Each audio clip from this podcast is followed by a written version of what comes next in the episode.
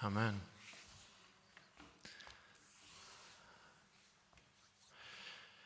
Idag så står jag här med lite mer bävan än vanligt. De senaste månaderna så har vi haft, har vi haft ett tema som har gjort att eh, texten har varit given. Vi har kunnat jobba med texterna och jag har kunnat förbereda mig utan att söka speciellt mycket kring vilken text det har att göra med. Men idag så är det en text som jag eh, har jobbat med under ganska lång tid och brottas fram och tillbaks och det är nästan så att jag har bett Herren ta denna kopp ifrån mig. Och ni kommer märka det när vi läser texten. Men vi ska ge oss i kast med den tillsammans. Och så får vi be så som Bengt läste, att Herrens ord får uppenbaras och att hans ande får leda oss i det. Vi ställer oss upp tillsammans.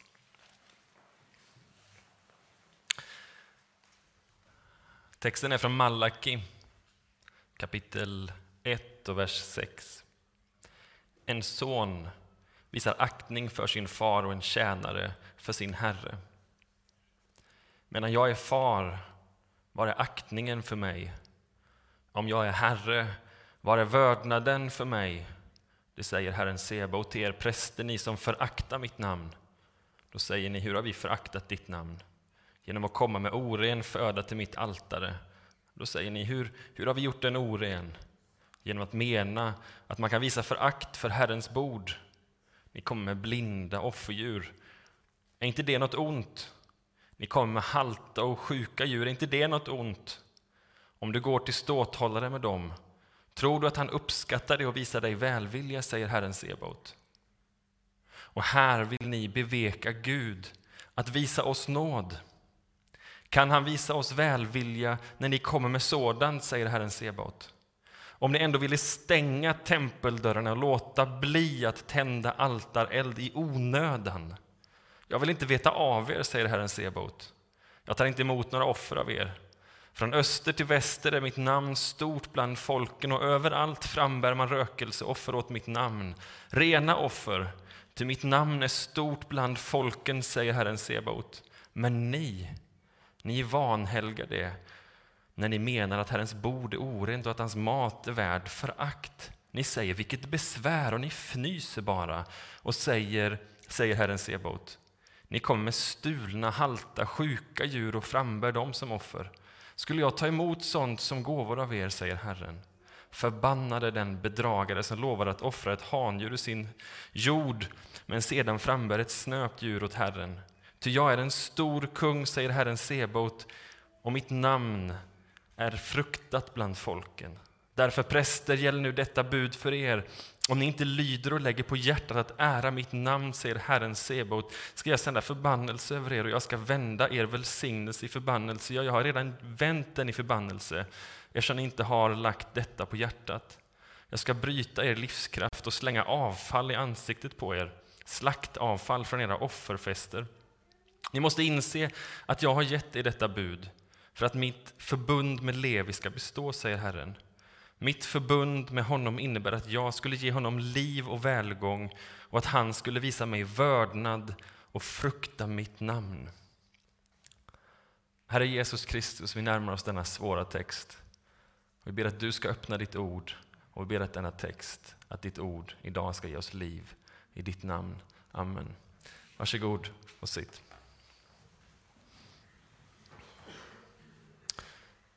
Bakgrunden som finns här Det är ett Israel som har varit i fångenskap.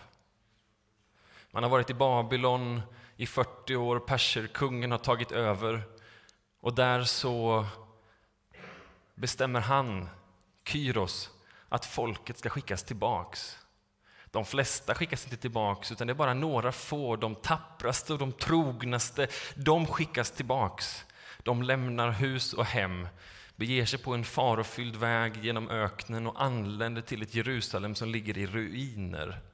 Folken runt omkring gör allting för att stoppa dem.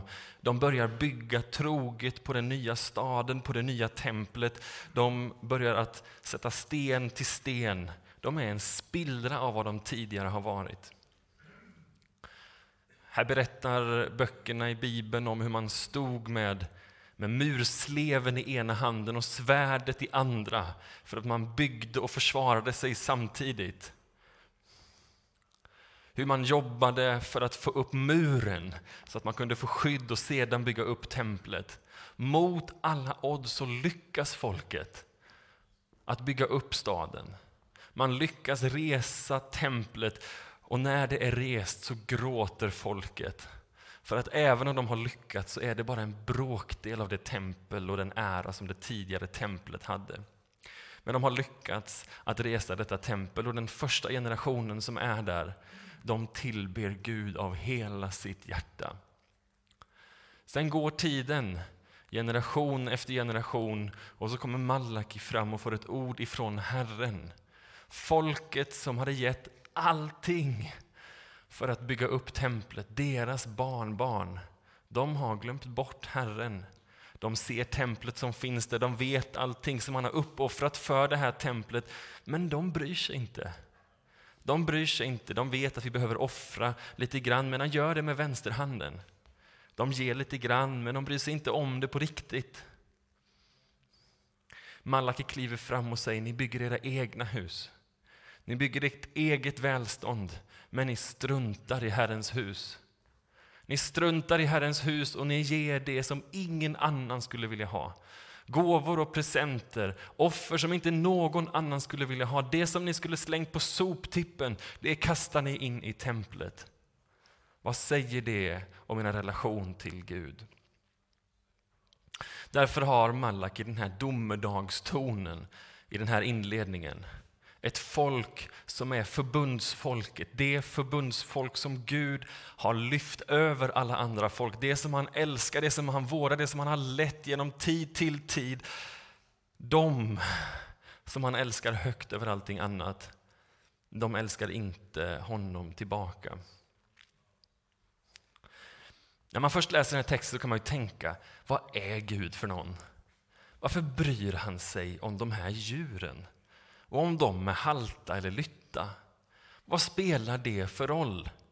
Den ena detaljen efter den andra detaljen lyfts fram som att det skulle vara viktigt.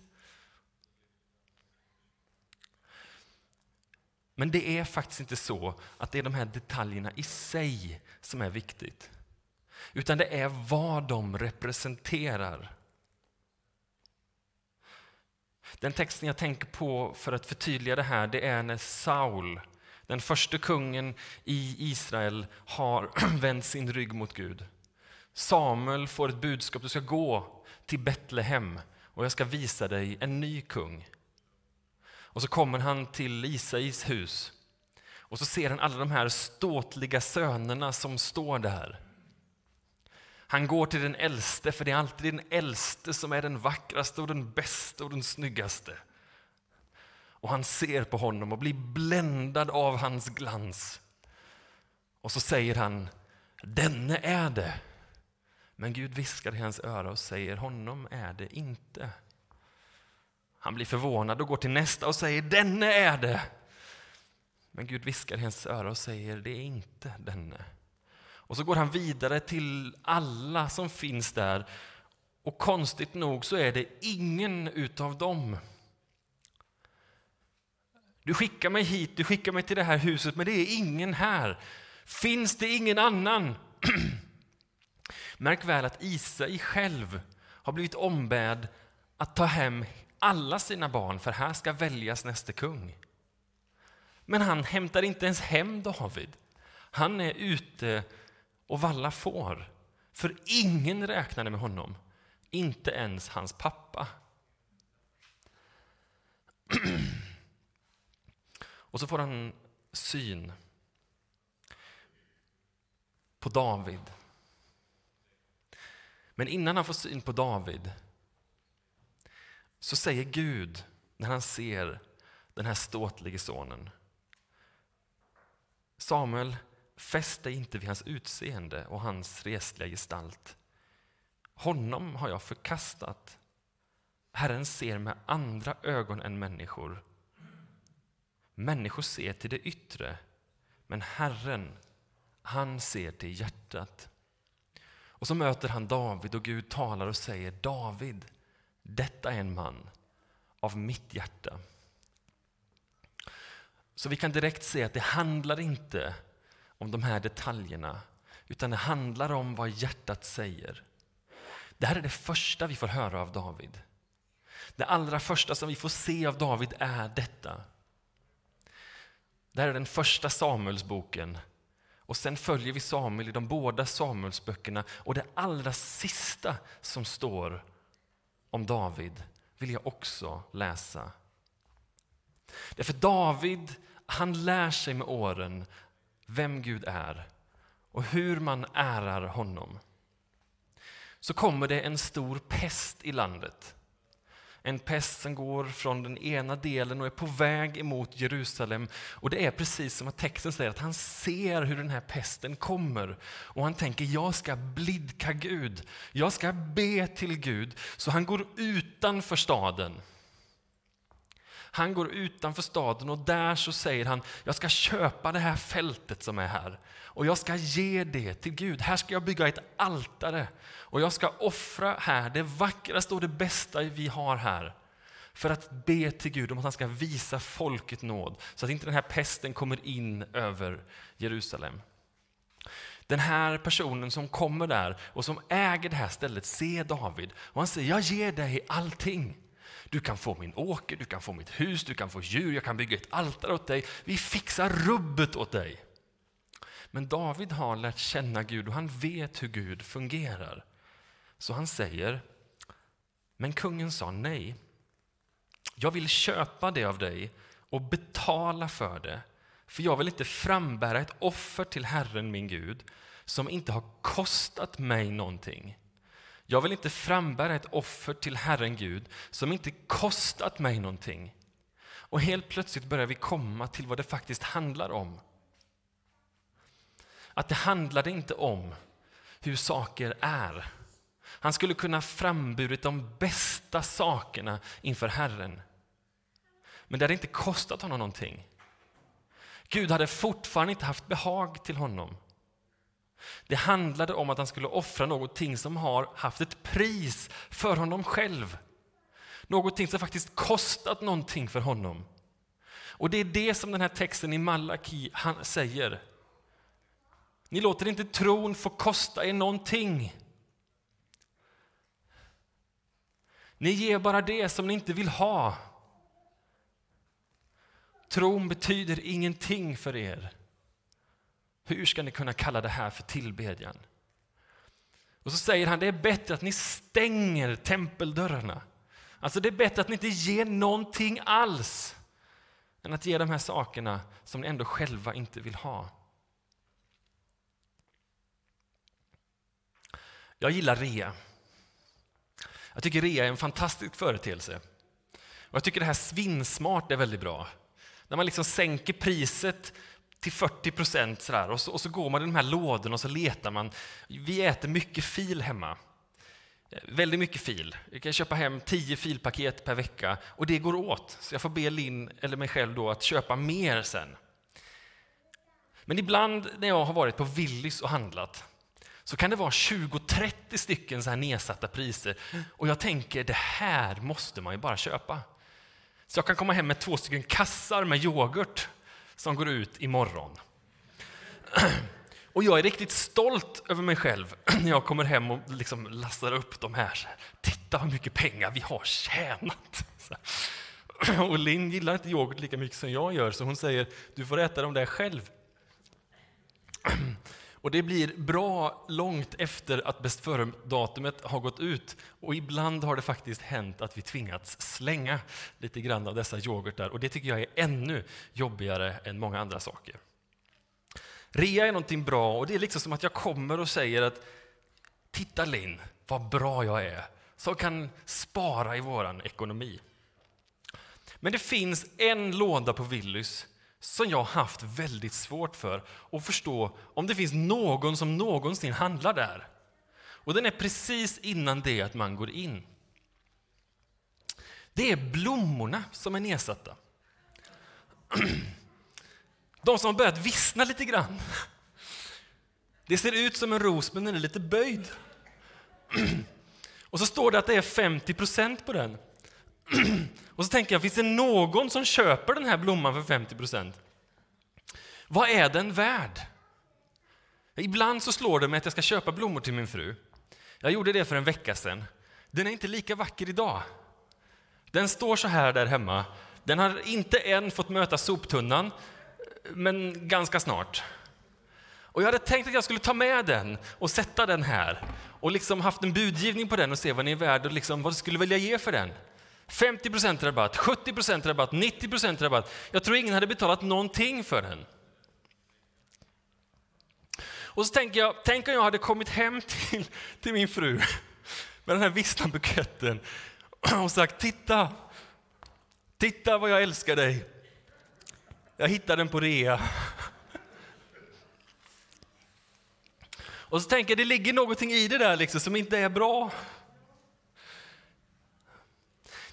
Ponera att det skulle varit nedsatt pris men att de fortfarande hade varit fina. Om inte du pillar bort den där realappen så kommer du få en örfil istället för ett tack. För det säger någonting om vad den andra personen är värd.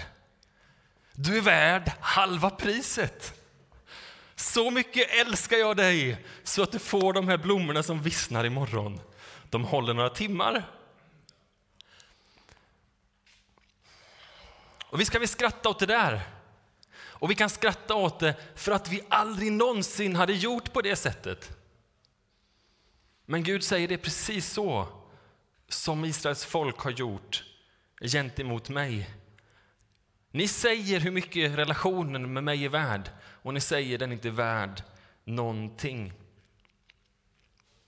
Så givande säger någonting. Givande säger ganska mycket. Så låt oss gå igenom givandets princip.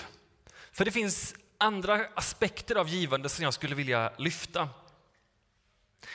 Det är inte bara så att gåverka, gåvan påverkar den jag ger.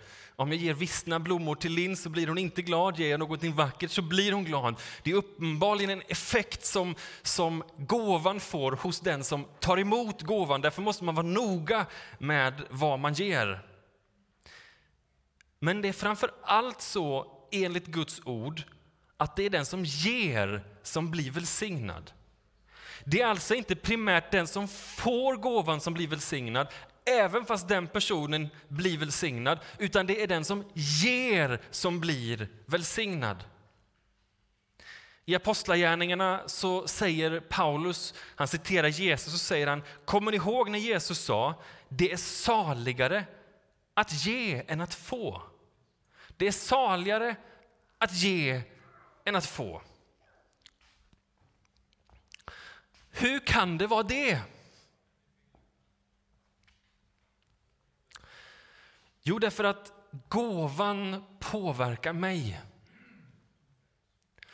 Och för att förstå det här så måste vi ytterligare ta ett par texter. Och då går vi direkt till det som Jesus säger i Matteus 6, 19-21. Han talar om givande och så säger han Samla inte skatter här på jorden där mask och mal förstör, där tjuvar bryter sig in och stjäl Samla skatter i himlen där varken mal eller mask förstör och inga tjuvar bryter sig in och stjäl. Ty där din skatt är, där ska också ditt hjärta vara. Tidigare har jag alltid tolkat den här som att det jag älskar ska jag ge till. Men den här texten är bakvänd. Det jag ger till kommer jag älska. Det jag ger till kommer jag älska. Det vill säga, det som jag ger mest till, det som jag ger det vackraste till, kommer också att betyda mest för mig. I Ordspråksboken 4 och 23 så står en text som talar med samma ord. Det står mer än allting annat, vakta ditt hjärta, ty hjärtat det styr ditt liv. Gåvorna påverkar vårt hjärta. Hjärtat styr vårt liv. Det vill säga, det vi ger det vackraste till är vår Gud. En gång till, det vi ger det vackraste till är vår Gud. Och därför behöver vi fundera. Vad är det vi ger det bästa och det vackraste till? Den dyrbaraste tiden, de första medlen, det som jag har i mitt liv som betyder mest. Vad ger jag det till? Det är din Gud, säger de här texterna. Det du ger till blir till din Gud eller din avgud. Därför har Bibeln principen om förstlingsfrukt, ett knepigt begrepp som talar om att vi ger det första till honom. Och det kommer att göra att allting annat också blir Guds. Om vi ger den första skörden till Herren så kommer all skörd att användas som att den vore Guds. Om vi ger 10 till honom, eller tionde principen, så kommer allting annat att användas som att det vore hans. Om vi ger den första dagen till honom så kommer alla dagar att bli helgade. Låt oss ge det bästa till honom och det får en spillövereffekt för att vårt hjärta tillhör Gud. Och när det tillhör Gud kommer allting att användas som att det vore Guds. Men det fungerar också omvänt. Om du ger det vackraste till någonting annat kommer också allting annat i ditt liv användas med det som mål och syfte. På det här sättet, mina vänner, kan vi lura oss och jag gör det många gånger själv. Vi kan lura oss och tro att Gud är det viktigaste i våra liv för att vi går till kyrkan ibland. Att Gud är det viktigaste i våra liv för att vi ibland kanske ber. Att Gud skulle vara det viktigaste i våra liv för att vi säger att det är så. Vi kan tro att det är så, men allting runt omkring oss förstår om det inte skulle vara så.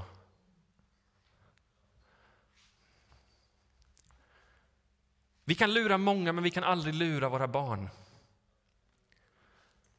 Vi kan lura många, men vi kan aldrig lura vår äkta hälft.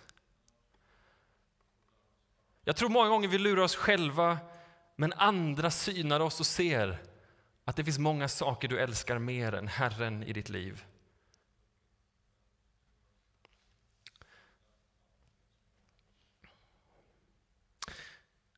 Några av de svåraste texterna, för att ta upp ytterligare några, handlar om texter som beskriver Gud som svartsjuk. Det här är inte bara en eller två, det är många. Jag ska läsa två av dem idag. I Andra Mosebok så står det så här. Akta dig för att sluta förbund med invånarna i landet som du kommer till, så att de inte fångar dig i en fälla. Ni ska riva ner deras altaren, krossa deras stenstoder och hugga ner deras asherapålar. Du ska inte tillbe någon främmande gud, till Herren, Herrens namn är den svartsjuke.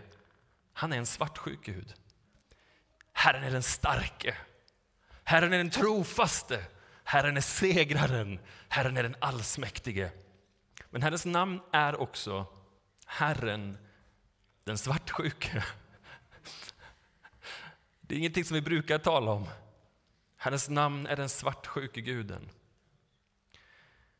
Så här står det i Nya testamentet, ni trolösa.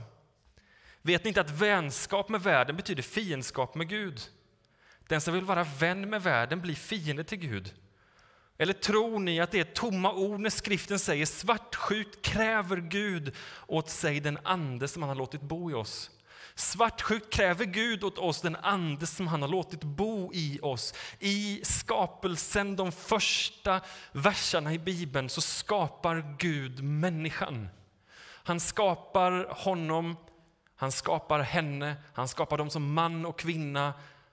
Och där så blir det någonting av en skapelse som delas. Skapelsen delas till man och kvinna. Det här upprepas två gånger.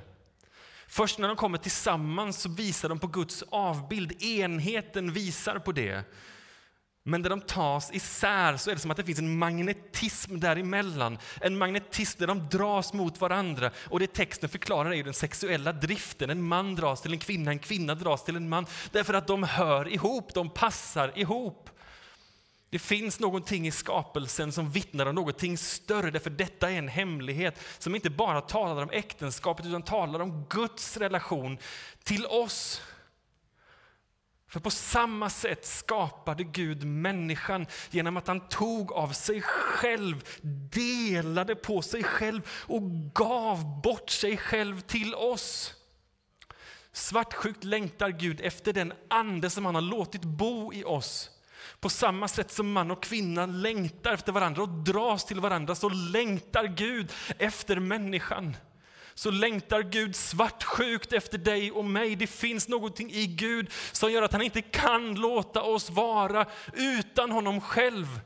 När vi tittar åt något annat håll, när vi älskar någonting annat så är han som en svartsjuk make som längtar att få dig tillbaka. Han älskar dig, han söker dig, han vill ha dig som sin egen. Och visst kan det vara så att svartsjuka är någonting som vi talar ner. Men det är också ett ord som är något av det starkaste för den här kärleken som Gud intensivt känner för sin skapelse. Någonting som han har tappat, något som är förlorat, något som han begär och vill ha tillbaka. Han längtar efter dig och mig. Han längtar efter dig och mig. Kan du tänka dig att universums skapare och Herre älskar en människa som mig? I vår humanistiska tid så kan inte det, kanske inte det verka som något udda. Vi tänker ändå att hela världen kretsar kring mig.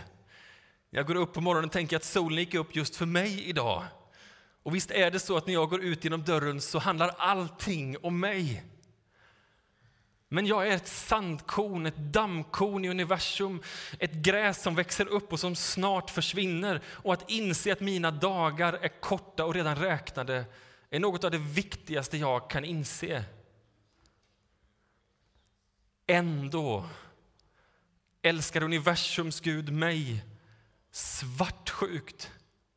Och när jag ser på något annat med åtrå så längtar han att få tillbaks min kärlek. Salmisten skriver fjärran ifrån uppenbarade sig Herren för mig. Han sa till mig, med evig kärlek har jag älskat dig. Med evig kärlek har jag älskat dig. Därför låter jag min nåd förbli kvar över dig. Gud kräver inte ifrån dig eller ifrån mig någonting som han inte själv redan har gett. Han kräver inte från dig eller från mig någonting som han själv inte redan har gett till oss. Därför läser vi vårt mest klassiska verk, ty så älskade Gud världen att han gav den sin enda son för att de som tror på honom inte ska gå under, utan för att de ska ha evigt liv. Ty så älskade Gud världen passionerat med en svartsjuk kärlek att han gav allt vad han hade. Det vackraste och det största som fanns i himlavärlden gav han dig, gav han mig. Insikten av det borde få vår värld att skaka i sitt fundament. Borde få vår värld att rämna i sin grund. När vi möter texterna om Guds möten så är det texter som talar om att det skakar. Kanske den tydligaste är texten i Jesaja Året då kung Usaja dog såg jag Herren sitta på en hög och upphöjd tron. Släpet på hans mantel uppfyllde templet. Seraferna stod ovanför honom och en hade sex vingar, med två täckten i sina ansikten, med två täckten i sina fötter och med två flög de. Och den ene ropade till den andra, helig, helig, helig är Herren Sebaot. Hela jorden är full av hans härlighet. Röster från de som ropade fick dörrposterna och den fick trösklarna att skaka och huset fylldes av rök. Då sa jag, ve mig, jag förgås, för jag är en man med orena läppar och jag bor bland ett folk med orena läppar och mina ögon har sett konungen, Herren Sebahot.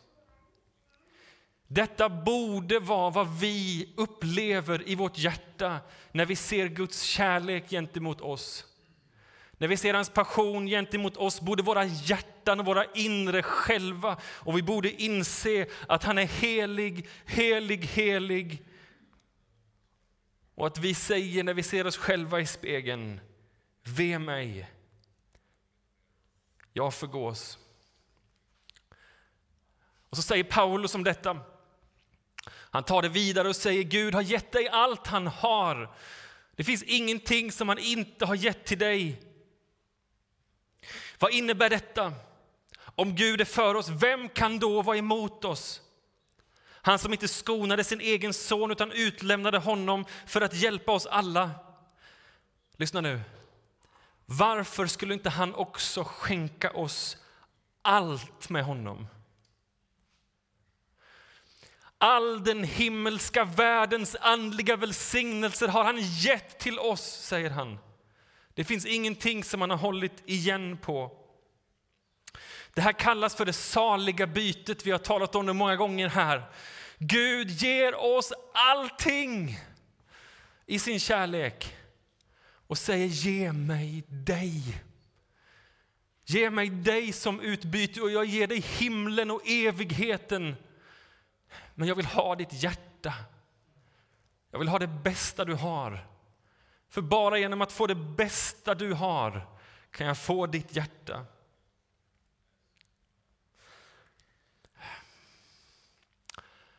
Tiden rinner iväg.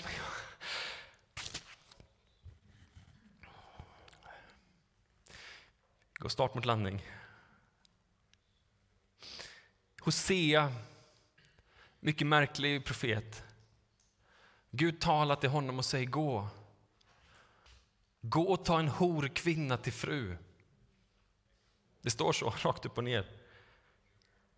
Och han går och äktar henne, gifter sig och de får tre barn tillsammans. Men hon går iväg och umgås med andra.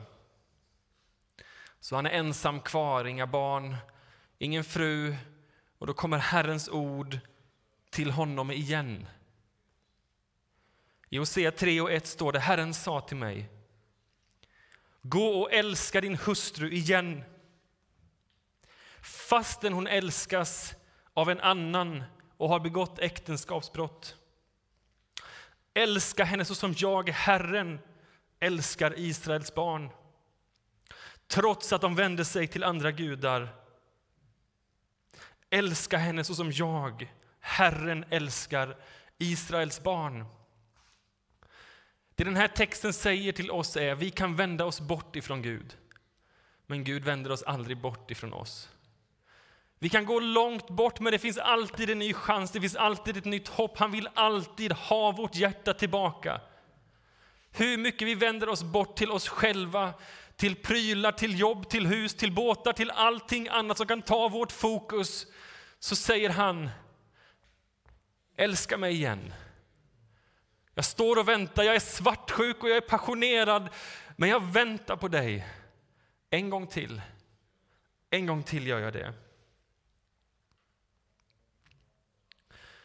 Och i den kärleken så manar den oss att ge. Att ge det bästa vi har. Inte för att bevisa oss själva.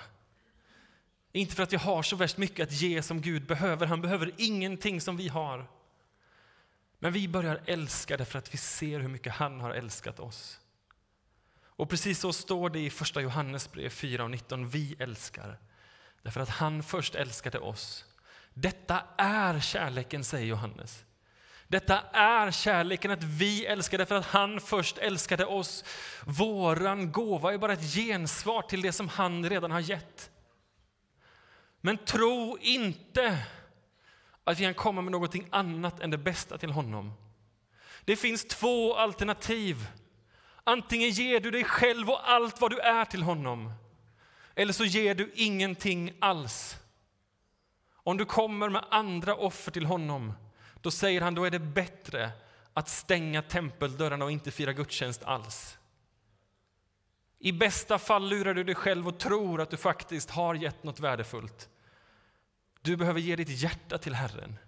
Det behöver synas, det behöver kännas i ditt hjärta, det behöver märkas i din plånbok. Det behöver vara någonting som är på riktigt.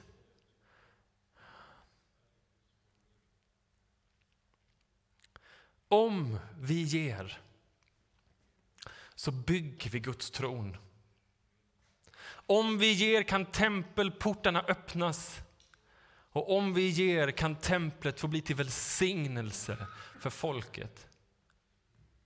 Det här är någonting som inte bara Malaki talar om, Joel talar om det, Hesekiel talar om det. Många talar om att när vi ger av vårt hjärta så byggs Guds tron.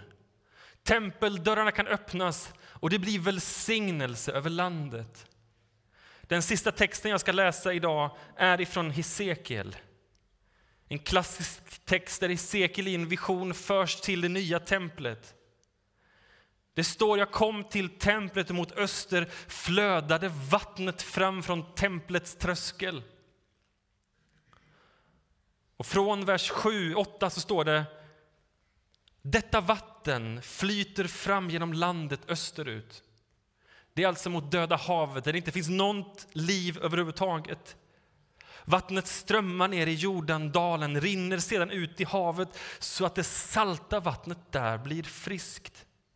Där floden rinner ut, där ska det vimla av liv i vattnet. Fisk ska finnas i överflöd.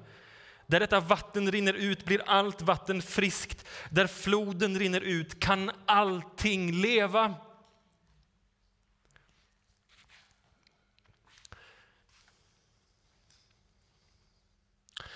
Min mamma var för några veckor sedan i Israel, badade i Döda havet.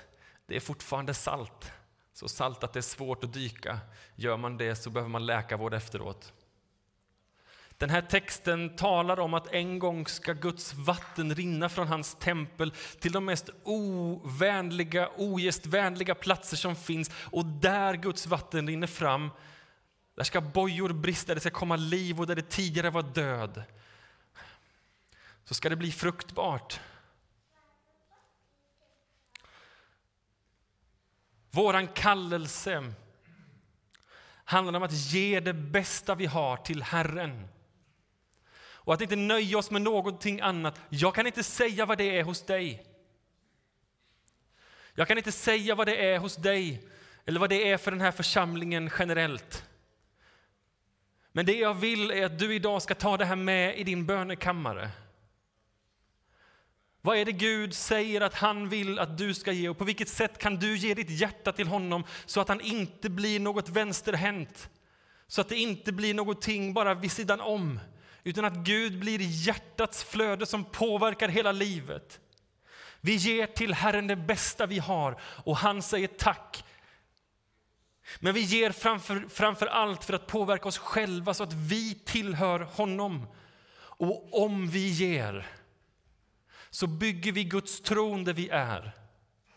Så att Guds tempel kan få bli till välsignelse över hela staden och det här landet.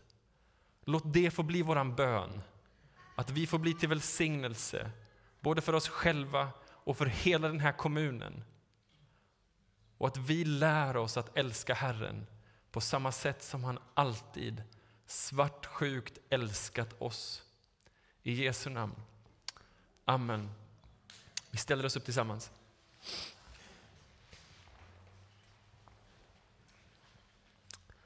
Herren Jesus Kristus.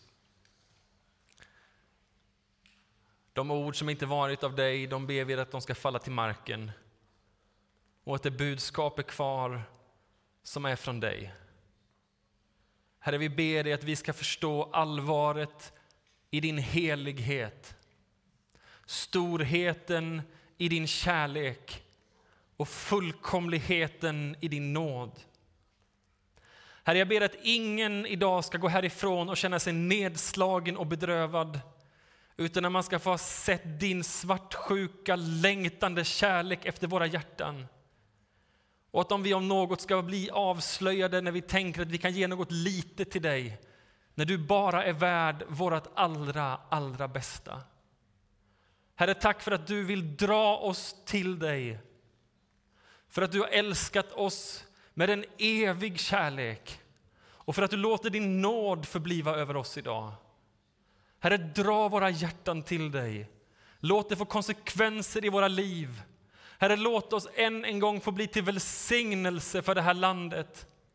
Till välsignelse för den här staden. Till välsignelse dit vi går. Att vi inte längre bygger våra egna liv framför allt, utan att det är din tron som vi bygger i våra hjärtan, i den här församlingen och vart än vi går. I ditt namn. Amen.